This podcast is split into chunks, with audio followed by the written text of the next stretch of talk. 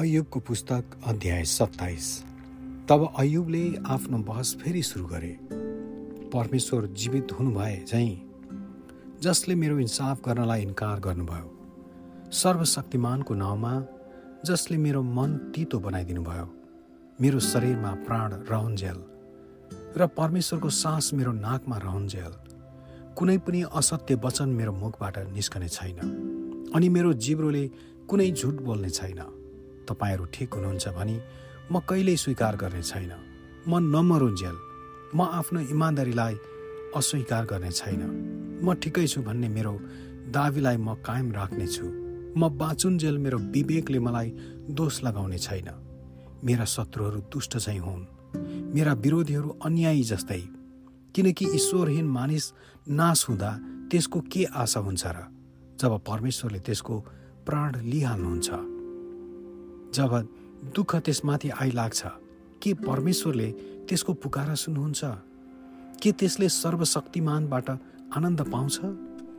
र हर समय उहाँको नाउँको पुकारा गर्छ?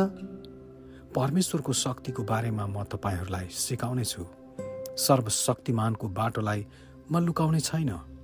तपाईँहरू सबैले यी कुरा देख्नुभएको छ। तपाईँहरू यस्ता व्यर्थका कुरा किन गर्नुहुन्छ? दुष्टको निम्ति परमेश्वरले ठहराउनु भएको भाग यही हो। निष्ठुर मानिसको इनाम सर्वशक्तिमानबाट यही हो।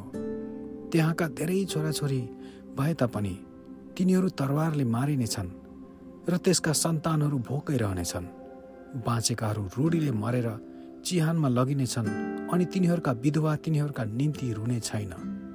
त्यसले कसिङ्गर सरह अनगिन्ती धन सम्पत्ति थुपारे तापनि र थाक थाक लुगाहरू जम्मा गरे तापनि ती त्यसले जम्मा त गर्ला तर धर्मीहरूले ती लगाउने छन् र त्यसका धन सम्पत्ति निर्दोष मानिसले बाँड्नेछन्।